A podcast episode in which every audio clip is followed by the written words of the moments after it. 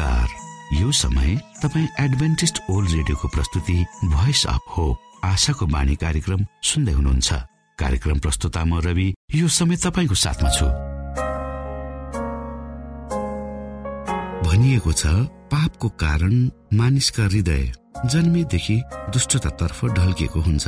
आफ्नै स्वरूपमा परमेश्वरले सृजना गर्नु भएको मानिसलाई आफ्नै उद्देश्यमा रूपान्तरण गर्ने र ख्रिस्टको चरित्रमा प्रतिस्थापन गर्ने परमेश्वरको चाहना छ। यो सब हाम्रो भलाइको लागि गरिएका योजनाहरू हुन्। श्रोता के तपाईँ यो भलाइको कार्यक्रममा परमेश्वरलाई सघाउन चाहनुहुन्छ? प्रभु यीशु क्रिस्ट हृदयको ढोकामा उभिएर ढकढक्याउँदै हुनुहुन्छ। उहाँ तपाईँमा भएर तपाईँको जीवनलाई राम्रोतिर असलतिर ढल्काउन चाहनुहुन्छ बदल्न चाहनुहुन्छ। आशाको बाणी कार्यक्रमलाई नियमित सुनेर परमेश्वरको चाहनाको महत्वलाई बुझेर बाँच्नुको महत्वलाई यहाँले बुझ्नु सक्नुहुनेछ भनेर हामी विश्वस्त छौँ। आउनुहोस् फेरि तपाईँले न्यानो स्वागत गर्दै हाम्रो कार्यक्रमलाई सुनिदिनु हुनु अनुरोध गर्दै यो मिठो भजन यहाँ सामु राख्दैछु।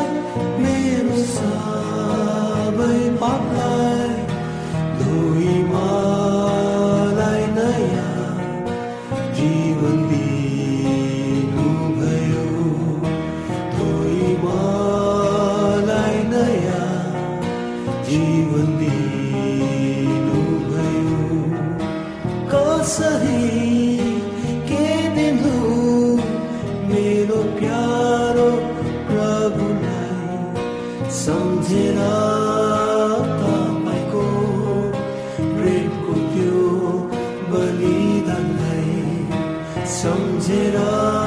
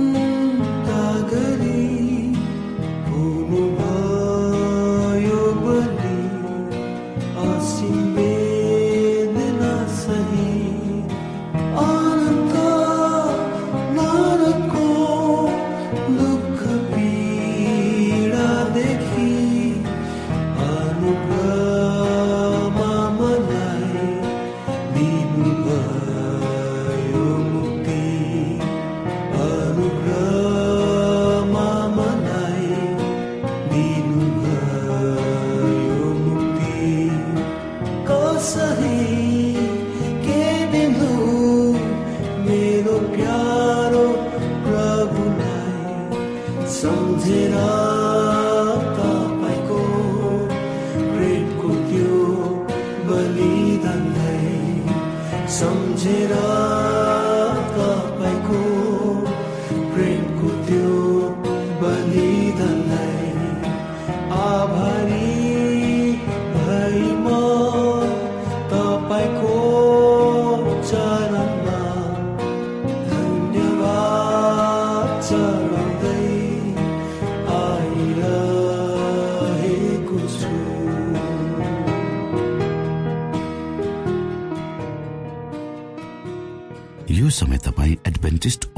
रेडियोको प्रस्तुति भोइस अफ होप आशाको बाणी कार्यक्रम सुन्दै हुनुहुन्छ। श्रोता मित्र यो समय हामी पास्टर उमेश पोखरेलबाट आजको बाइबल सन्देश सुन्नेछौ। श्रोता साथी न्यानो अभिवादन साथ म तपाईँको आफ्नै आफन्त अर्थात् पास्टर उमेश पोखरेल परमेश्वरको वचन लिएर यो रेडियो कार्यक्रम मार्फत तपाईँहरूको बीचमा पुनः उपस्थित भएको छु। श्रोता मलाई आशा छ तपाईँले हाम्रा कार्यक्रमहरूलाई नियमित रूपमा सुन्दै हुनुहुन्छ र परमेश्वरका प्रशस्त आशिषहरू प्राप्त गर्दै हुनुहुन्छ। आजको प्रस्तुतिलाई पस गर्नुभन्दा पहिले आउनुहोस् हामी परमेश्वरमा अगुवाईको लागि बिन्ती राख्नेछौँ। जीवी जिउँदो महान दयालु परमेश्वर प्रभु हामी धन्यवादी छौँ यो जीवन र जीवनमा दिनुभएका प्रशस्त आशिषहरूको लागि। प्रभु यो रेडियो कार्यक्रमलाई म तपाईँको हातमा राख्दछु। यसलाई तपाईँको राज्य र महिमाको प्रचारको खातिर तपाईँले सारा संसारमा पुर्याउनुहोस्। ताकि धेरै मानिसहरूले यो कार्यक्रम मार्फत तपाईँको ज्योतिलाई देख्न सक्नुहोस्। सबै बिन्ती प्रभु यीशुको नाममा। आमेन।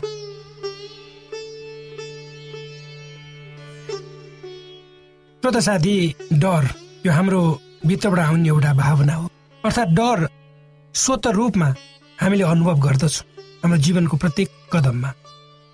हामीले शान्ति पनि अनुभूति गर्दछौँ।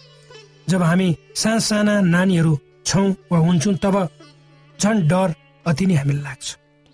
म सानो छँदा धेरै डराउँथे। साँझ परेपछि त कुरै नगरौँ। हामी एक्लै पर्यो भने पनि हामी डराउँछौँ।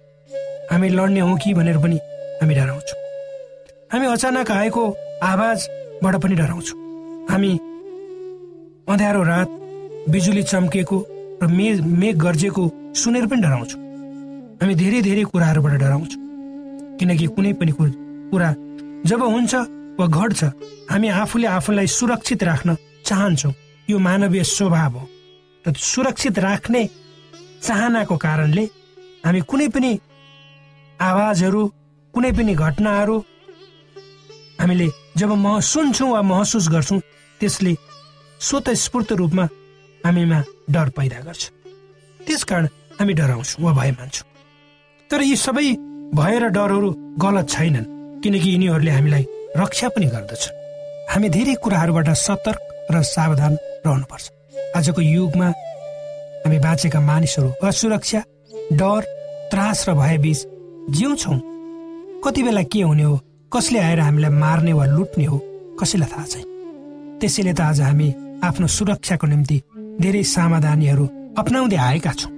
मानिसहरूले आफ्नो सुरक्षाको निम्ति सुरक्षा गार्डहरू लिएर हिँडेको पनि हामीले देखेका छौँ।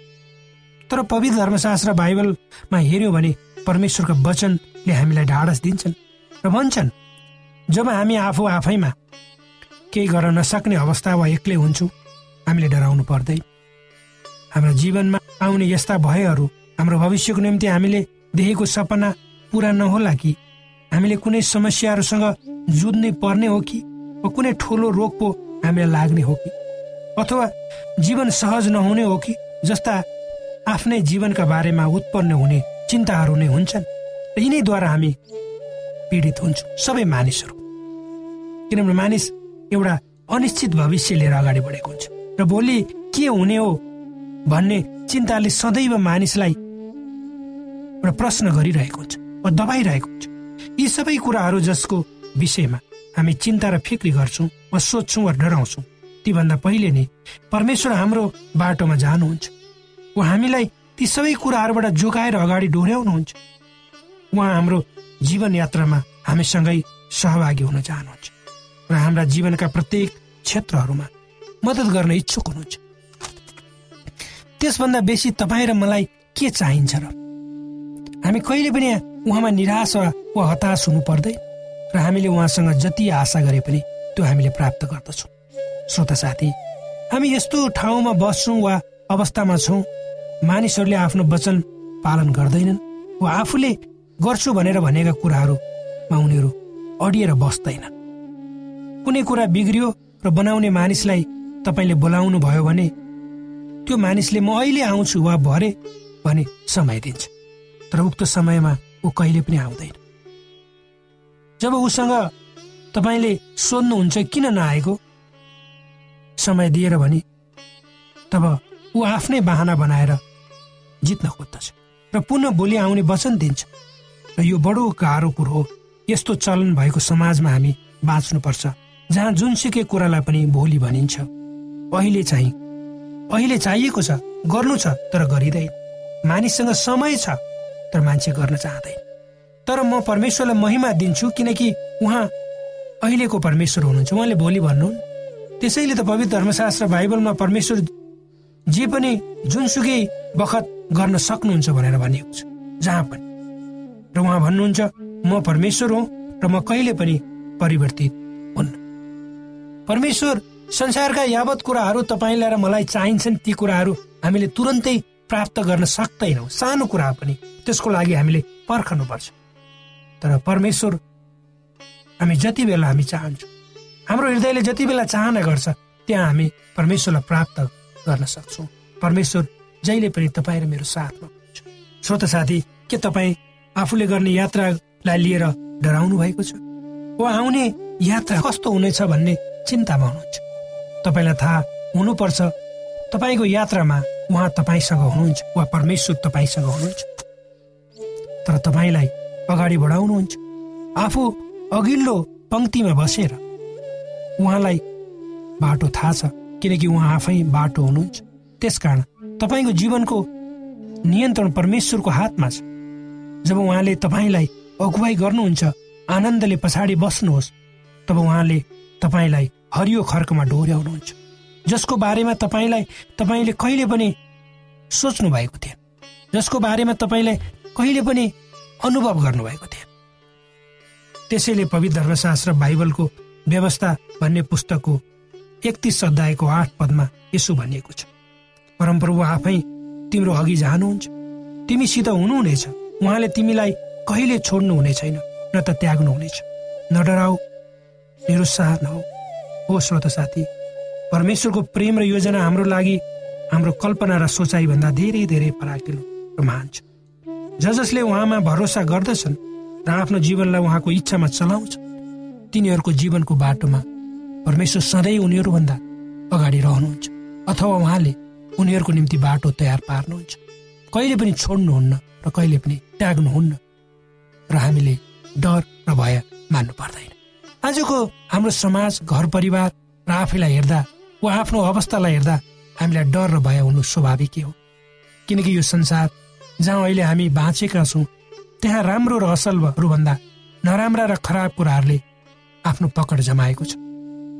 जताततै नराम्रा र खराब कुराहरू व्यवहारहरू र त्यसबाट उत्पन्न भएका परिणामहरू हामी देख्दछौँ। मानिस एक मानिसको रूपमा नभएर सैद्धान्तिक भावनाद्वारा सैतानको कामदार भएको छ वा बन्धक भएको छ। ऊभित्र मानवीय संवेदनाहरू हराए ऊ त केवल मानिसको भेषमा अर्कै छ किनकि उसको बानी बेहोरा गराई बोलाइ सबै कुराहरू खराब र दुष्टताहरूले भरिएको हामी पाउँछौँ। अर्थात् निराशमय अवस्थामा हामी छौँ भन्दा अर्को अर्थ नलाग्ने। सैतानले मानिसको दिमागलाई आफ्नो छल र चालबाजद्वारा नियन्त्रित एवं निर्देशित गरेको छ। मानिस जुन रूपमा देखिन्छ त्यो केवल बाहिरी आवरण मात्र हो भित्र ऊ त अर्कै रूपमा पोषित भएको छ। त्यसैले त ऊ जे बोल्छ त्यो गर्दैन जे भन्छ उसले त्यो गर्दैन। र जे नगर्नु पर्ने नराम्रो हो ऊ त्यो गर्न सधैँ तयार हुन्छ र प्रयत्न गर्छ। तर यस्तो निराशजनक अवस्थामा पनि परमेश्वरको भरोसाले हामीलाई टाढा दिन्छ। त्यसैले पावल प्रेरितले फिलिपीहरूलाई लेखेको आफ्नो पत्रमा भन्छन् तर समझले नै भ्याउन नसकिने। परमेश्वरको शान्ति तिमीहरूका हृदय र तिमीहरूका मनलाई यसुमा रक्षा गर्नेछ। पावलले यहाँ प्रभु येसु क्रिसलाई देखाउँछन् जसले आफ्नो शान्ति हामीलाई दिनुहुन्छ तर त्यो शान्ति संसारले दिने जस्तो होइन। त्यसैले त प्रभु येसु भन्नुहुन्छ शान्ति म तिमीहरूलाई छोडिराख्छु। म आफ्नो शान्ति तिमीहरूलाई दिन्छु। संसारले दिए जस्तो म तिमीहरूलाई दिँदिन। तिमीहरूको हृदय व्याकुल नहोस् र भयभीत नहोस्। कस्तो किसिमको शान्ति त्यो हो जुन हामीले परमेश्वरबाट प्राप्त गर्न सक्दछौँ। श्रोत साथी यो प्रश्नका साथ तपाईँहरूबाट म बिदा हुन्छु। श्रोता भर्खरै यहाँले पास्टर उमेश पोखरेलबाट बाइबल वचन सुन्नुभयो। यो समय तपाईँ एडभेन्टिस्ट ओल्ड रेडियोको प्रस्तुति भोइस अफ होप आशाको बाणी कार्यक्रम सुन्दै हुनुहुन्छ। कार्यक्रम सुनेर बस्नुहुने सबै श्रोतालाई हामी हाम्रो कार्यक्रममा स्वागत गर्न चाहन्छौ। श्रोता मित्र यदि तपाईँ जीवनदेखि हरेस खानु भएको छ तपाईँका जीवनमा धेरै अनुत्तरित प्रश्नहरू छन् भने आउनुहोस् हामी तपाईँलाई परमेश्वरको ज्योतिमा डोहोर्याउन चाहन्छौ। र तपाईँ आफ्नो जीवनका चिन्ता फिक्रीबाट निश्चिन्त हुनुहोस् र बाँच्नुको आनन्द परमेश्वरको सामिप्यमा कति मिठो हुन्छ त्यो चाख्नुहोस् भनी हामी चाहन्छौँ। श्रोता यदि तपाईँ आशाको बाणी कार्यक्रमलाई अनलाइन सुन्न चाहनुहुन्छ वा डाउनलोड गर्न चाहनुहुन्छ भने डट ओआरजीमा जानुहोस्। त्यहाँ तपाईँले प्रत्येक दिनको कार्यक्रम सुन्न र डाउनलोड गर्न सक्नुहुनेछ। हाम्रो वेब पेज यस प्रकार छ W W W dot AWR dot ORG श्रोता यदि तपाईँ हामीसित सिधै फोनमा सम्पर्क गर्न चाहनुहुन्छ भने हाम्रा नम्बरहरू यस प्रकार छन्। अन्ठानब्बे एकसाठी पचपन्न शून्य एक सय बिस। अन्ठानब्बे एकसाठी पचपन्न शून्य एक सय बिस। र अर्को अन्ठानब्बे अठार त्रिपन्न पन्चानब्बे पचपन्न। अन्ठानब्बे अठार त्रिपन्न पन्चानब्बे पचपन्न।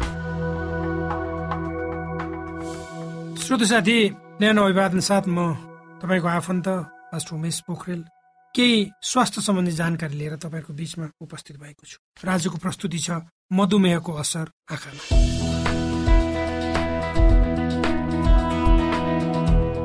मधुमेह हुँदा शरीरमा चिनीको सञ्चित राख्ने क्षमतामा ह्रास आउँछ। शरीरको रक्त सञ्चालन प्रणालीमा अत्यधिक चिनीको मात्रा भई विभिन्न अङ्गहरूलाई असर पार्न सक्छ। आँखामा मोतीबिन्दु जलबिन्दु हुनुको साथै आँखाको दृष्टि वा पर्दा रेटिनाका नसाहरूमा समेत यसले असर पार्दछ। हाम्रो आँखाका क्यामेरा जस्तै अति संवेदनशील अङ्ग हो रेटिना। देख्नको लागि हेरेको वस्तुबाट आएको प्रकाशका कारण क्यामेराको फिल्ममा जस्तै आँखामा पनि आकृति बन्ने गर्दछ। यदि वस्तुहरूको आकृति बन्ने आँखाको पछाडि पट्टिको भागलाई हामी दृष्टि गर्दा रेटिना भन्दछौँ दृष्टि पर्दामा अति संवेदनशील जीवकोष रहेका हुन्छन्। दृष्टि पर्दाको मध्य भाग अझ बढी संवेदनशील हुन्छ। यो हाम्रो दृष्टि क्षमताको अति नै महत्वपूर्ण भाग यी संवेदनशील जीवकोषले हेरेको वस्तुको आकृति बनाई स्नायु रेसा मार्फत मस्तिष्कले बुझ्ने किसिमको विद्युतीय तरङ्ग मार्फत मस्तिष्कमा पुर्याएपछि हामीले देख्दछौँ। मधुमेहले आँखाको दृष्टि पर्दालाई कसरी असर पार्छ? आँखाको संवेदनशील भाग दृष्टि पर्दामा लाखौंको संख्यामा रहेका जीवकोषलाई रक्त सञ्चालन प्रणाली मार्फत नियमित पोषण उपलब्ध गराइएको हुन्छ। तसर्थ आँखाको दृष्टि पर्दामा रहेका सूक्ष्म रगतका नसाहरूलाई पातलो र नाजुक बनाइदिन्छ। यसबाट रगतका नसा फुट्न रगतमा भएको पदार्थ चुइन सक्छ। चुहेका रगतजन्य पदार्थले दृष्टि पर्दामा अनावश्यक पदार्थ सञ्चित गरी सुजन पैदा गराउँछ। यसमा भएका संवेदनशील जीवकोषको कार्यमा बाधा उत्पन्न गराई दृष्टि क्षमतामा ह्रास ल्याउने गर्दछ। अत्यधिक र अनियन्त्रित मधुमेहमा रगतका सूक्ष्म नसा बन्द भई पोषण नपाउँदा दृष्टि पर्दामा पर्दाका जीवहरू मर्न पनि सक्छ। यसो भएमा आँखा सदाको लागि नदेख्न पनि सकिन्छ। मधुमेह रोगमा किन आँखा भित्र रगत आउँछ त? मधुमेहमा रगतका नसा धेरै नाजुक भई जुनसुकै बेला फुट्न सक्छ। दृष्टि पर्दा भित्रै वा दृष्टि पर्दा बाहिर आँखा भित्रको पारदर्शक भागमा रगत जम्छ। यसले दृष्टि पर्दामा आकृति बन्ने कार्यमा बाधा उत्पन्न गराउँछ। यस किसिमको रगत आउने क्रम बारम्बार भइरहन पनि सक्छ र आँखाको दृष्टि पर्दामा अन्य आवश्यक अनावश्यक जीवकोषको विकास हुन थाल्दछ। यसले गर्दा दृष्टि पर्दालाई संकुचित गराई च्यातिने वा छुट्टिने गराउन सक्छ। यस्तो समस्या भएमा दृष्टि पर्दाले गर्नुपर्ने काम मा अवरोध आई दृष्टि क्षमतामा कमी आउँछ। अब श्रोता मधुमेहले आँखालाई असर पारेको कसरी थाहा पाउने? मधुमेहले ढिलो वा चाँडो कुनै पनि बेला आँखामा असर पार्न सक्दछ।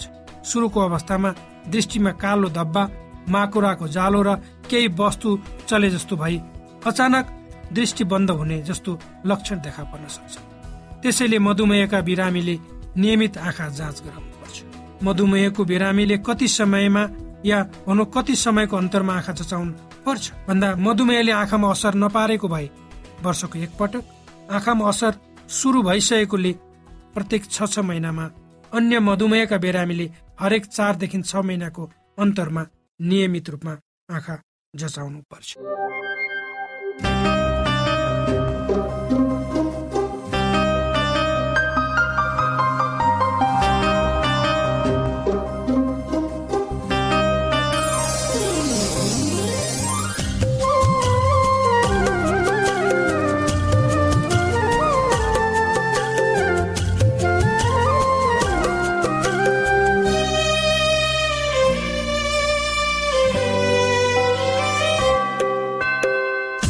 कि आऊ प्रिय हो। यसु ख्रिस्टको चरणमा अनुग्रहको समय छँदै ख्रिस्ट प्रभुलाई अपनाउन। अनुग्रहको समय छँदै ख्रिस्ट प्रभुलाई अपनाउन। फर्की आऊ प्रिय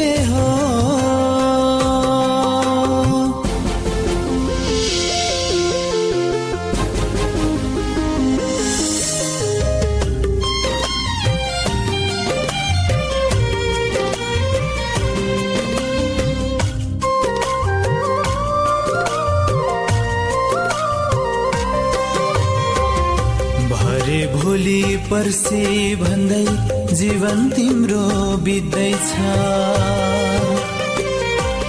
हो भरे भोलि पर्सी भन्दै जीवन तिम्रो बित्दैछ स्वागत गरिरहेको छ त्यो मृत्युको दिनले। स्वागत गरिरहेको छ त्यो मृत्युको दिनले। फर्की आऊ प्रिय हो।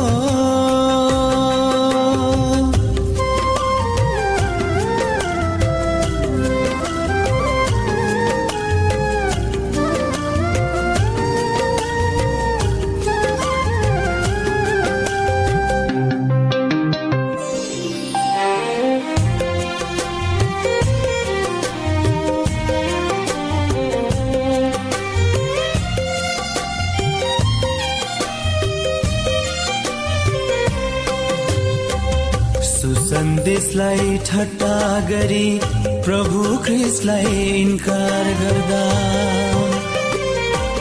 हो सुसन्देशलाई ठट्टा गरी प्रभु ख्रिसलाई इन्कार गर्दा। रुवा बासी दारा किटाई यो गाउँसम्म हुनेछ। रुवा बासी दारा किटाई यो गाउँसम्म हुनेछ। श्रोता घडीको सुईले समय सकिन लागेको संकेत गरिसकेको छ? हाम्रो ठेगानाको बारेमा यहाँलाई जानकारी गरौं। आशाको बाणी पोस्ट बक्स नम्बर दुई शून्य शून्य शून्य दुई काठमाडौँ नेपाल। यसै गरी श्रोता यदि तपाईँ हामीसित सिधै फोनमा सम्पर्क गर्न चाहनुहुन्छ भने हाम्रा नम्बरहरू यस प्रकार छन्। अन्ठानब्बे एकसाठी पचपन्न शून्य एक सय बिस। अन्ठानब्बे एकसाठी पचपन्न शून्य एक सय बिस। र अर्को अन्ठानब्बे अठार त्रिपन्न पन्चानब्बे पचपन्न अन्ठानब्बे अठार त्रिपन्न पन्चानब्बे पचपन्न। हवस् त श्रोता हाम्रो कार्यक्रम सुनिदिनु भएकोमा एकचोटि फेरि यहाँलाई धन्यवाद दिँदै भोलि फेरि यही स्टेशन र यही समयमा भेट्ने बाजा गर्दै प्राविधिक साथी राजेश पास्टर उमेश पोखरेल र कार्यक्रम प्रस्तुता म रवि यहाँसँग विदा माग्दछौ। परमेश्वरले तपाईँलाई धेरै धेरै आशिष दिनु भएको होस्। नमस्कार।